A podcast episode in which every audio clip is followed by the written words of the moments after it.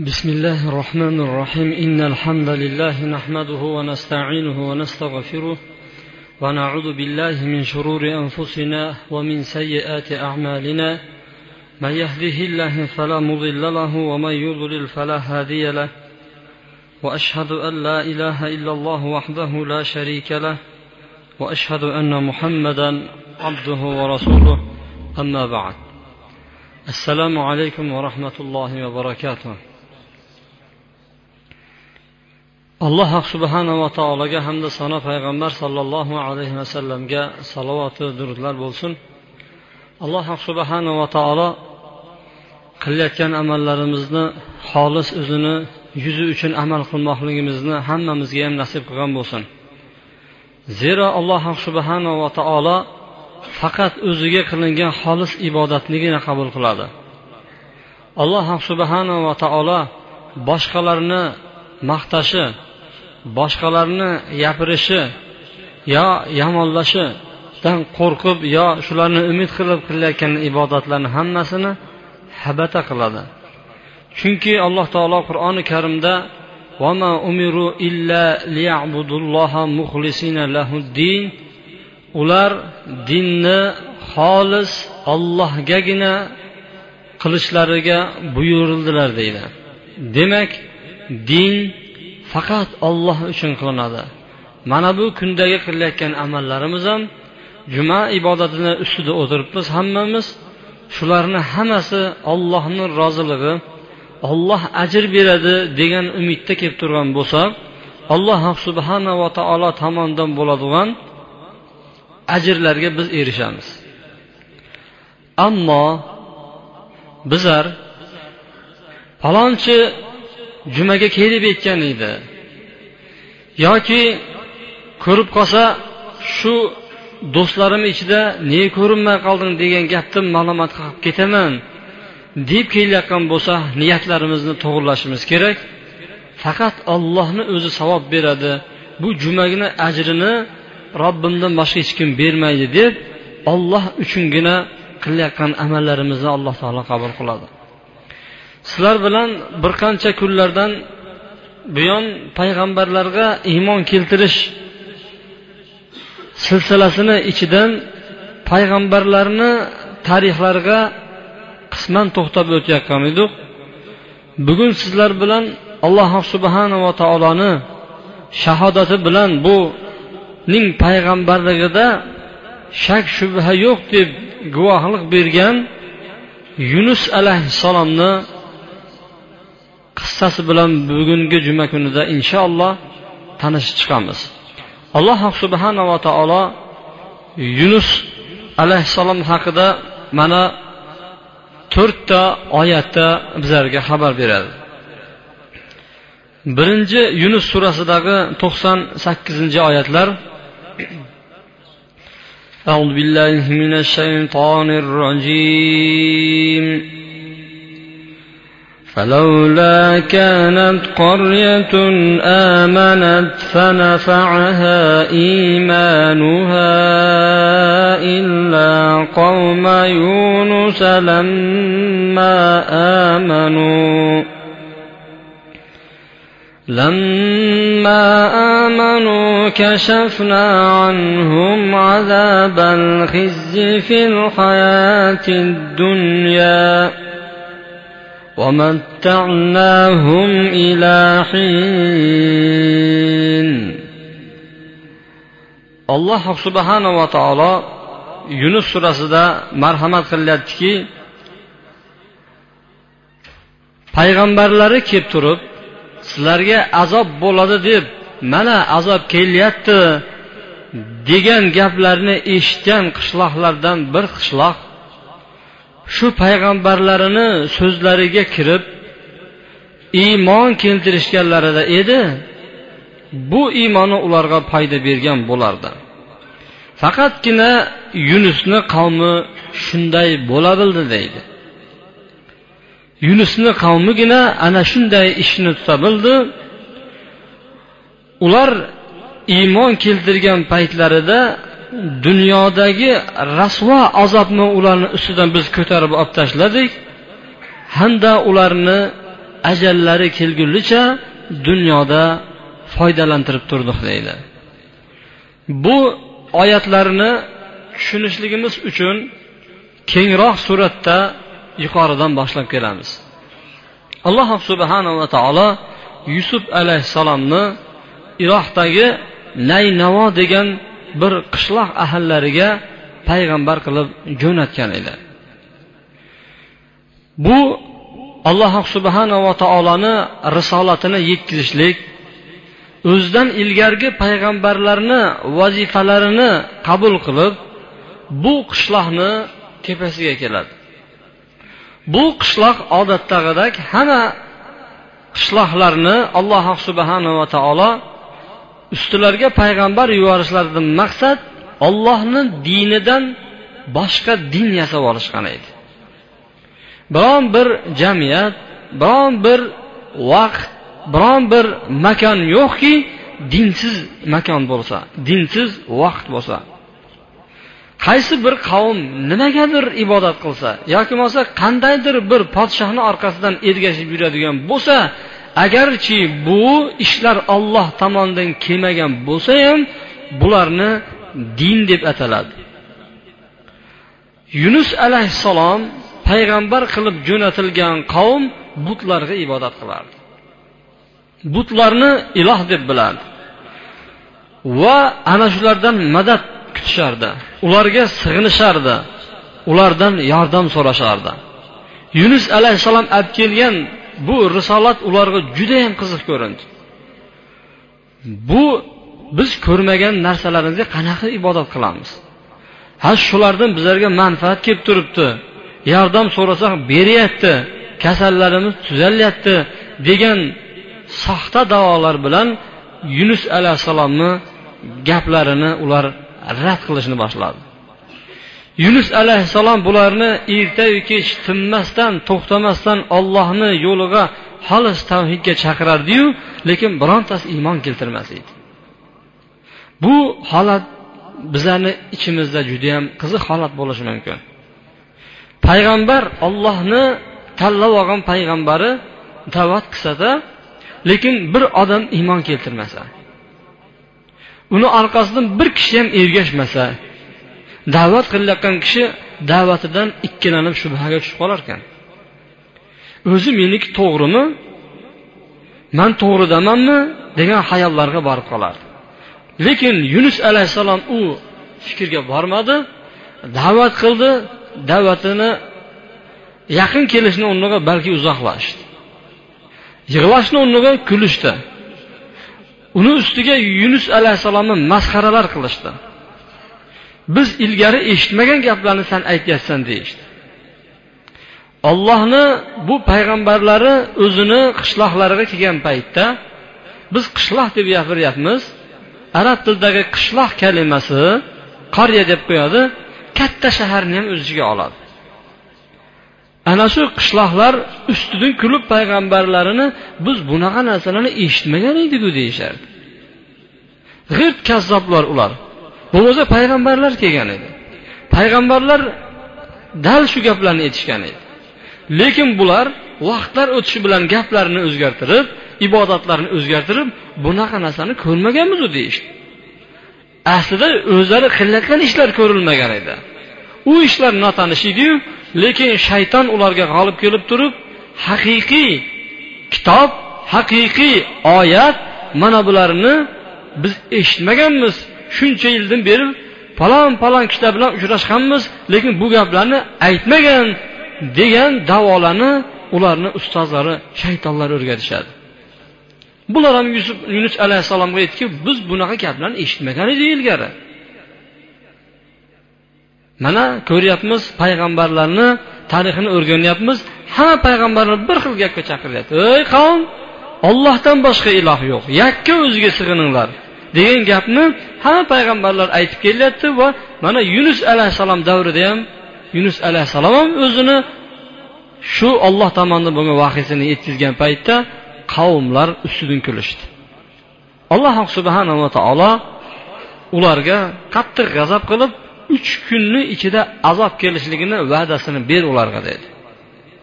Sizlarni ichingizlarga uch kunni ichida azob keladi dedi. Va alloh subhanava taoloni mana bu vahiysini ularga yetkazdi mana sizlar iymon keltirmadingizlar kutib o'tiringlar. Uch kunni ichida sizlarga azob keladi dedi. Bu olloh tomonidan bo'lgan farmon ilohiy vahiy buyrug'i edi yunus alayhissalom shu buyruqni bajardi keyin chiqib ketdi. Lekin chiqib ketishligi ollohni buyrug'i bilan bo'lmadi. U naynavo qishlog'ini tashladi.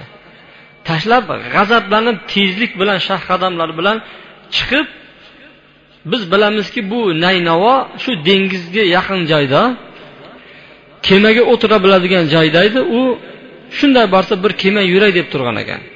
Shu bilan boshliq bilan gaplashuvdi.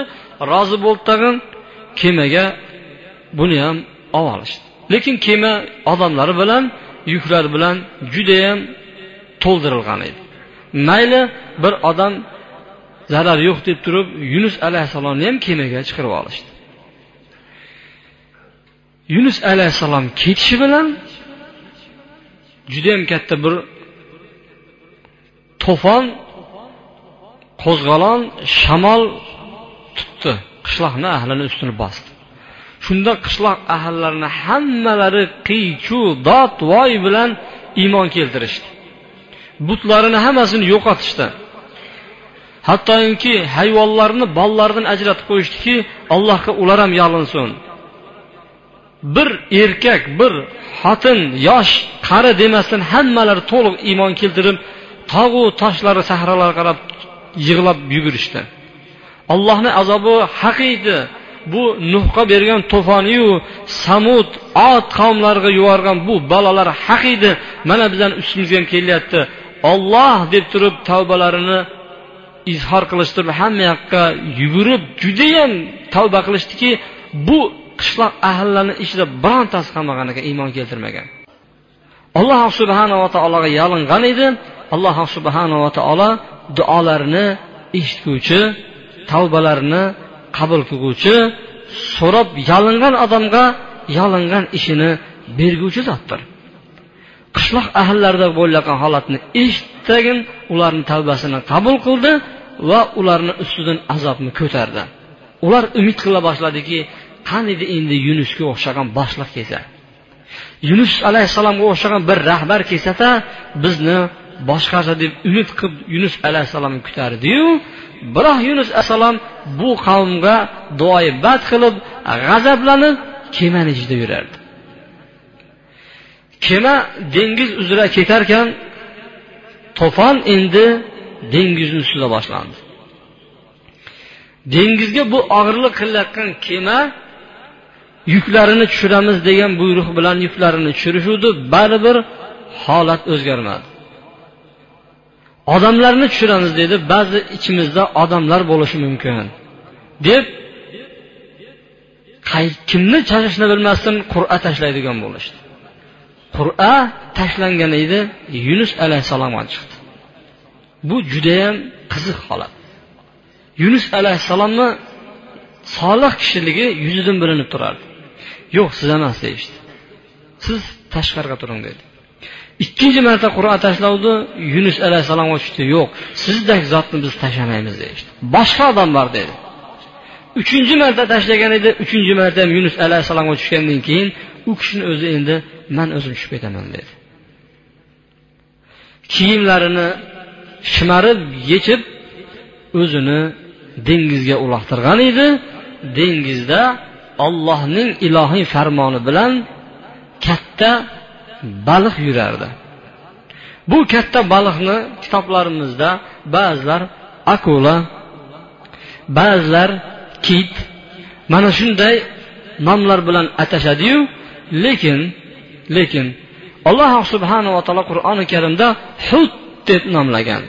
Hud degani katta baliq degan. Bu akula bo'lishi ham mumkin bu kitan bo'lishi mumkin. Lekin allohni xabari bilan juda katta baliq. Alloh subhanava taolo baliqqa buyurib aytdiki bu seni rizqing emas. Go'shtini biron suyagini bitta joyini sindirmaysan. Alloh subhanava taolodan bo'lgan bu farmoni iloh vahiyni qabul qildida yunus alayhissalomni yutib yubordi uni to'liq baliq yutib yubordi. Alloh subhanava taoloni buyrug'i bilan endi yunus alayhissalom baliqni ichida. Baliqni ichiga kirgandan keyin o'ldim deb o'ylab a'zolarini qimirlatib ko'rgan edi qimirladi. Qarasa tirik u kishi. Shu bilan o'tirib ko'ruvdi o'tira bildi ichida. Yo robbim dedi shunday bir makonni berdingki hech bir bandang ibodat qilmagan bir joyni menga berib turibsan. Bu yerni man masjid qilay deb degan u kishi yerda ibodat qilishni boshladi. Baliqni ichida yurar ekan u kishi ovozlar eshitdi. Shunda bu qanday ovoz degan edi? Dengizdagi jonzotlarni ollohga aytayotgan tasbehi deydi alloh taolo unga. U dengizdagi baliqlaru barcha tirik jonivorlarni alloh subhanava taologa aytayotgan tasbehini hammasi aytayotgan ekan u deydi tagin nega man tasbeh aytmayman? deb u kishi duo qilishni ham to'xtatdi tag'in alloh subhanava taologa tasbeh aytishni boshladi. Mufassirlarni aytishi bo'yicha bu kishi baliqni ichida qancha turdi deyil degan javobga har turli javoblarni aytishgan. Bu javoblar mo'tabar sahobiy va tobeinlardan kelgan. Eng kami ertalab yutgan bo'lsa kechgacha xufton vaqtigacha turdi degan eng ko'pi esa qirq kun turdi degan. Xullas kalom bu alloh subhanava taoloni mo'jizasi bir odamni ikki minutga baliqni ichiga kirib chiqishligi hozirgi kunda sodir bo'ladigan bo'lsa olam buni e'lon qiladiki falon odam baliqni ichiga kirib chiqdi but butun bo'lib chiqdi deb turib uni rekordlarni kitobchasiga kirgizib qo'yadi. Lekin eng kami eng kami ertalabdan kechgacha bo'ladigan bo'lsa bu az muncha vaqt emas. Shu vaqtni ichida u kishi robbilari haq subhanava taologa subhan la ilaha illa anta. Subhanaka inni kuntu minaz zolimin deb tasbih aytishni boshladi. Xudoyo o'zingdan boshqa iloh yo'q. O'zingdan boshqa sig'iniladigan ibodatga loyiq hech qanday iloh yo'q. Subhanaka seni har qanaqa kamchiliklar bo'lsa shundan poklayman. Odamlar ba'zilari o'g'li bor deyishdi ba'zilari uxlaydi deyishdi ba'zilari dam oladi deyishdi. Ba'zilar olloh hamma ishga qodir emas ba'zilari bandalardagi bo'layotgan ishni hammasini bilmaydi umumiy holatlarni biladi degan tuhmatlarni aytishgan edi alloh taologa. Bandalarga xos bo'lgan sifatlarni allohga berishgan edi. Yunus alayhissalom ana shunday gaplarni hammasini subhanaka har qanday bandalaring sanga aytayotgan kamchilik nuqsonlardan pok zotsan umuman seni aybing yo'q. Kuntu man o'zim zolimlardanman dedi. Seni buyrug'ingni kutmadim dedi. Seni buyrug'ingni kutmasin man o'zim dengizga chiqib ketgan edim. San manga farmon bermasingdan oldin man g'azablanib u chiqib ketgan edim. Tushundim bildim man zolim ekanman dedi. O'zidagi bo'lgan gunohni e'tirof qildi. Alloh subhanava taolo keyin unga najot berdi. Demak mana bu qissani eshitib endi quyidagi oyatlarni yuqoridagi oyatlarni ma'nolariga to'xtaymiz. Agar qishloq ahallaridan bir qishloq payg'ambarlari ularga va'da qilgan azoblarni ko'rib turib iymon keltirganlarida edi iymonlari ularga foyda bergan bo'lar edi biroq yunusni qavmi shunday qavmlardan bo'ldi ular azobni ko'rdilaru iymon keltirdilar keltirdilar keyin biz ularni ustidagi dunyodagi rasvo azobni ochib tashladik va ma'lum bir muddatgacha ularni foydalantirib turdik deydi yunus surasida ambiya surasida esa وذنون إذ ذهب مغاضبا فظن أن لن نقدر عليه فنادى في الظلمات أن لا إله إلا أنت سبحانك إني كنت من الظالمين zannun bu kishini uchta ismi bor uchta ism bilan mashhur birinchisi yunus ikkinchisi zunnun uchinchisi ashobul hut sohibul hut baliq egasi degan uchta ismi bor uchta ismi bilan bu kishi qur'oni karimda mashhur Shu zunnun qavmlaridan g'azablanib chiqib ketganini eslang ey muhammad alayhissalom dedi. G'azablanib chiqib ketgan paytda alloh taolo manga yomonlikni taqdir qilmasa kerak deb o'ylagan edi u. Lekin u zulmatni ichida qolib ketdi. Zulmat nima desa mufassir olimlar tafsir qilishgan ekan. Birinchisi baliqni ichidagi zulmat qorong'iliq ikkinchisi dengizni qorong'iligi uchinchisi tunni qorong'iligi degan ekan. Ba'zi mufassirlar bir katta baliq yuborgandan keyin u baliqni undan ham katta baliq yubordi bu yerdagi qorong'iliqlarni ichi degandan maqsad shu. Bir baliqni ikkinchi baliq yutdi bu qorong'iliq ichidagi qorong'iliq. Shu qorong'iliqni ichida sendan o'zga iloh yo'q zotingni poklayman men darhaqiqat zolimlardan bo'ldim deb aytgan edi biz uni duosini ijobat qildik. Minal uni g'am g'ussadan unga najot berdik. Biz mana shunday mo'minlarga najot berib boraveramiz dedi. Payg'ambar sollallohu alayhi vasallam mana bunday deydi bir duo bor. So'rasa beriladi. Duo qilsa duosi ijobat bo'ladi. Bu duo zunnunning duosidir. Yunus alayhissalomning duosidir dedi.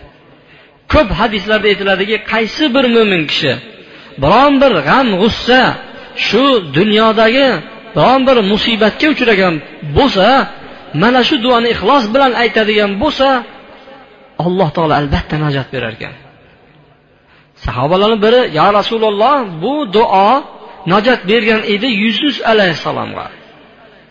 Agar bizlar ham shu duoni qiladigan bo'lsak bizlarga ham alloh taolo najot beradimi dedi. Payg'ambar sollallohu alayhi vasallam shunda bu duo yunus alayhissalomga xos. Musulmon kishilarga esa om dedi. Ko'rmaysizlarmi mana bu oyatni. Mana shunday mo'minlarga ham najot beramiz dedi alloh taolo. Demak payg'ambar alayhissalomni hadisi qaysi bir mo'min banda qanday bir holatga tushdiki bu holat u uchun qiyinchilik. Xoh uyda xoh tashqarida xoh yerni ostiyu xoh osmonda bo'lsin qanday bir unga muammo tug'ilib turgan paytda mana shu duo bilan yalinib yarvoladigan bo'lsa la ilaha illa anta subhanaka. O'zingdan boshqa iloh yo'q. Sen yagona parvardigorsan. Zotingni poklayman. Men haqiqatda zolimman. Zulm qildim o'zimga o'zim degan duoni aytadigan bo'lsa inshaalloh dedi payg'ambar alayhissalom shu mo'minga alloh taolo najot beradi dedi. Yana boshqa bir oyatda u kishini zikri keladiki yunus ham shak shubhasiz bizni payg'ambarlarimizdandir deydi alloh taolo. U kishi ham yuborilgan payg'ambarlar jumlasidandir. U katta kemaga qochib bordi.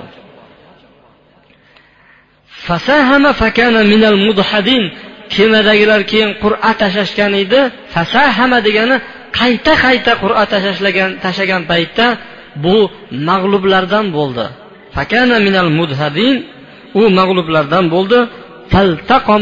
Hut uni katta baliq yutvordi.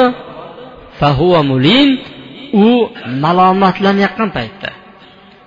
Shu baliq yutayotgan paytda tavbasini avvalgi qismlar boshlangan ekan. Man nimaga ketib qoldim? Alloh taolo berganmidi? Attang bekor ham ketibman bekor g'azablanibman deb turib shu baliq yutayotgan paytda u kishi malomatga uchragan edi.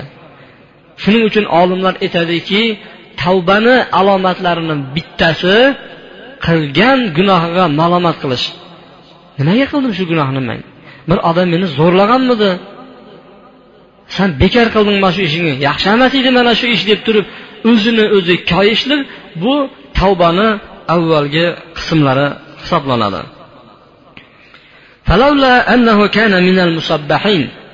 Agar u tasbeh aytuvchilardan bo'lmaganda edi shu qiyomatgacha uni qarnida qolib ketgan bo'lardi baliqni qornida keyin biz uni qurg'oqlikka uloqtirdik alloh taolo baliqqa buyruq berdi. Boyagi duosidan keyin baliq uni tashqariga olib chiqib tashlagan edi. U kishini holatlari ustidagi terisi yo'q edi. Go'sht edi. Alloh subhanava taoloni mo'jizasi paydo bo'ldi shu yerda. Biz uni ustiga min yaqutin qovoq urug'iga qovoq sinfiga mansub bo'lgan bir daraxtni yaqutin deydi. Ba'zilar qovoq deb tarjima qilishadi. Shuni shunday o'stirib yubordim ustiga. Nima uchun qovoqni tanladi deydigan bo'lsa alloh subhanava taolo bunda judayam katta hikmatlar bor. Birinchisi pashsha qo'nmas ekan. Ikkinchisi juda yaxshi salqin berar ekan. Uchinchisi mevasini hamma joyini yesa bo'ladi. Po'chag'ini yesa bo'ladi. Danagini yesa bo'ladi. Pishirib yesa bo'ladi pishirmay yesa bo'ladi. Mana shunday judayam ko'p hikmatlari bor. Yana ulamolar aytadiki bu miyaga judayam foydali. Miyani ishlashi uchun eng yaxshi taom bu qovoq deyishgan ekan. Ana shu qovoqni o'stirib bir kiyikni urg'ochisi kelib turib buni oyog'ini ostida yelinini tekkizib unga sutini berib ketardi. Mana shunday o'ziga keldi. O'ziga kelganidan keyin u kishi yana o'zini qavmiga qarab ketdi. Alloh taolo aytyaptiki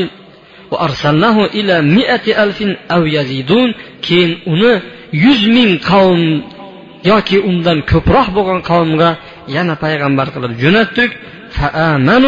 Ular iymon keltirdilar. Ularni keyin ajallari kelguncha foydalantirib turdik deydi. Qalam surasida fasbir li hukmi robbik muhammad alayhissalom siz robbingizni hukmiga sabr qiling. Vala takun kasohibil hut. Ya'ni baliq egasi kabi bo'lmang besabrlik qilmang. Hech kim iymon keltirmayapti. Shuncha mehnatlarim zoya ketyapti deb turib umidingizni uzib qo'ymang. Hut egasiga o'xshab turib. Chunki hut egasi iymon keltirmagandan keyin chiqib ketgan edi. Shu onda iymon keltirishi u kishi ozgina sabr qilmadi. sabr qilmaganlikdan keyin u kishini alloh subhanava taolo payg'ambarlik darajasini tushirib yuborgan ekan. Payg'ambarlik darajasidan tushirgandan keyin alloh taolo aytyaptiki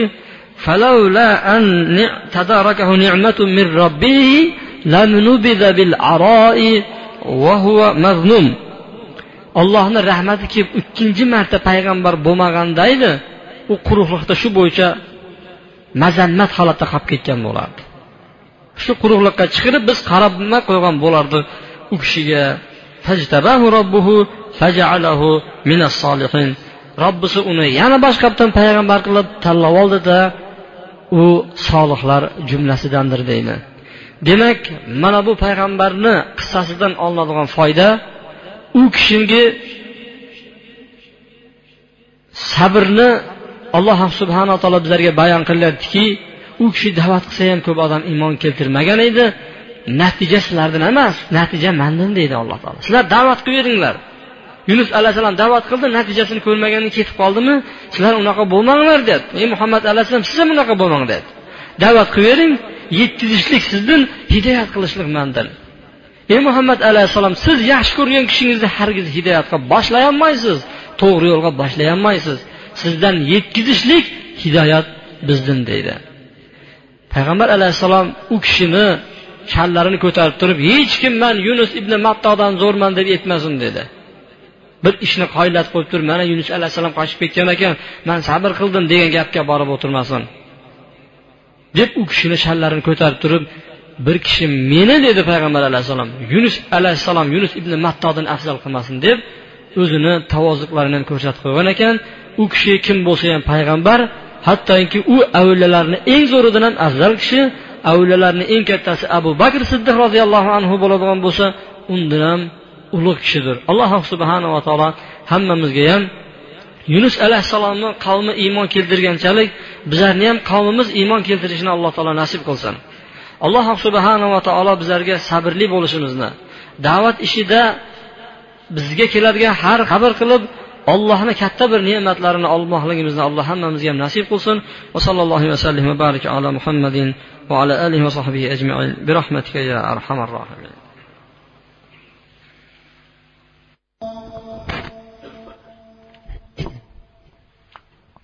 إن الحمد لله نحمده ونستعينه ونستغفره ونعوذ بالله من شرور أنفسنا ومن سيئات أعمالنا من يهده الله فلا مضل له ومن يضلل فلا هادي له وأشهد أن لا إله إلا الله وحده لا شريك له وأشهد أن محمدا عبده ورسوله أما بعد.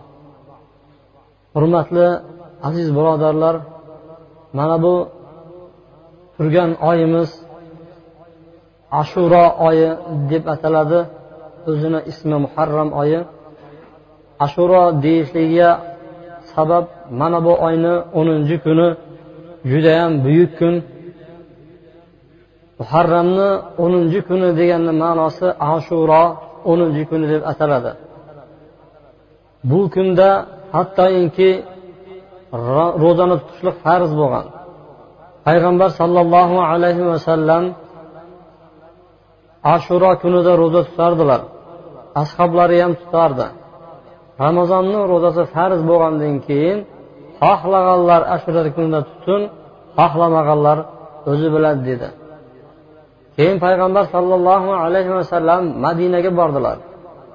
Madinaga borgan paytda ana shu oshuro kunida yahudiylar ham ro'za tutishayotgan ekan. Bu nima kundir deganda bu bayram deyish. Nima sabab? Muso va uni qavmiga alloh subhanava taolo fir'avnni oilasidan najot bergan kun. Muharrami o'ninchi kunida alloh taolo fir'avnni dengizga g'arq qilgan edi. Shunga xursand bo'lib turib muso alayhissalom allohga shukronasiga o'ninchi kuni ro'za tutgan edilar dedi. Payg'ambar alayhissalom yahudiylarga qarata aytdiki a unday bo'lsa man musoga yaqinroqman sizlarga qaraganda deb o'ninchi kuni payg'ambar alayhissalom ro'za tutdi. Sahobalar e'tiroz bildirdiki ya rasululloh bu kun o'ninchi kunini yahud va nasorolar bayram qiladi. Shunga to'g'ri kelib qolyapti sizni tutayotgan ro'zangiz. Deganda payg'ambar alayhissalom aytdiki inshaalloh kelasi yil tirik bo'ladigan bo'lsam kelasi yilgacha men qoladigan bo'lsam to'qqizini ham qo'shib tutaman ularga xilof ish qilishlik uchun dedi. Ya'ni to'qqiz o'ninchi kunlari men ro'za tutaman dedi. Boshqa bir hadislarda esa kim agar xilof bo'lib qolishdan xavfda bo'lsa bir kun oldin bir kun keyin ro'za tutsin deyildi ya'ni o'ninchi kuni markaz bo'lsa to'qqiz o'nida yoki o'n o'n birida ro'za tutilar ekan bu kunlar bizni mana bu kunlarda beshinchi oltinchi yettinchi sakkizinchi yanvarlarga to'g'ri keladi. Shunda yettinchi yanvarimiz ashuro bo'lyapti. Agar bir odam yettisi bilan qo'shaman desa oltisi bilan qo'shaman desa to'qqizida tutayotgan bo'ladi. Eng afzali eng afzali to'qqiz o'nida tutishlik. Eng afzali. To'qqiz o'nida ya'ni yanvarni oltinchi yettinchi kunlarida tutishlik. Uchalasini ketma ket tutishlik ham bunda ham fazilat bor. Payg'ambar sollallohu alayhi vasallamdan fazilatini so'rash. Bunda qanaqa fazilat bor deganda bir yillik o'tgan gunohlar kechiriladi dedi. Bir yillik o'tgan gunohlar shu ikki kunni ro'zasini inshaalloh olloh uchun tutadigan bo'lsa olloh ana shu fazilatni bizlarga marhamat qiladi. Bir kishi ibn abbosga kelib savol berdiki ashuroni ro'zasi haqida nima deysiz deganda muharram oyini payla muharram oyi kirishi bilan hisoblab to'qqizidan boshlab ro'za tutaver dedi. Demak mana bu hadis sahobalar bunga haris bo'lganligini bildiradi. Hattoki payg'ambar alayhissalom odam yubordiki ansarlarga kimki ashura kuni ro'za tutgan bo'lsa davom ettiraversin bilmay yeb ichib qo'ygan bo'lsa u kuni umuman fazilatidan bexabar bo'lib turib yeb ichib qo'ygan bo'lsa to'xtasinda shu yerdan boshlab ro'zasini davom ettiraversin dedi demak shu kuni bir birodaringiz ko'rib qoldingizda bugun ro'za tutdingizmi desa yo'q man eshitmadim desa hoziroq to'xtanib sizga bir yillik o'tgan gunohlarini kechirish fazilati beradi desa to'qqizdan o'ndan o'n ikkidan bo'lsa ham faqat shu paytlarda to'xtab ulab ketadigan bo'lsa ularga ham mana shunday fazilat bo'larkan. Sahoba ikromlar aytadiki biz mana shu kunida hattoki yosh bolalarimizga ham ro'za tuttirardi qarni ochib qoladigan bo'lsa o'yinchoqlar bilan bir amallab o'ynatib o'ynatib taomga o'xshagan o'yinchoqlar berib turib ularni kechgacha ro'za tuttirib yuborardi ashura kunida deydi. Bu kunni keyin boshqalar ham ramazonga ham dalil qilishgan ekan. Demak bu fazilatli kunlarni shunaqangi payg'ambar alayhissalom buni ro'zasini kutganchalik boshqa ro'zalarni kutmagan ekan. Izlab qachon qaysi kuni oy chiqyapti deb turib ashura kuniga qattiq e'tibor berar ekan. Nega biz qattiq e'tibor bermas ekanmiz? Bu bilan oila a'zo qo'ni qo'shni qarindosh qavmlarni ogohlantiringlar. Alloh subhanava taolo hammamizni bir yillik gunohlarimizni kechirsa ajab emas. Barakallohu li va lakum va li muslimina min kulli zambin fastaghfiruhu innahu huval g'afurur rahim.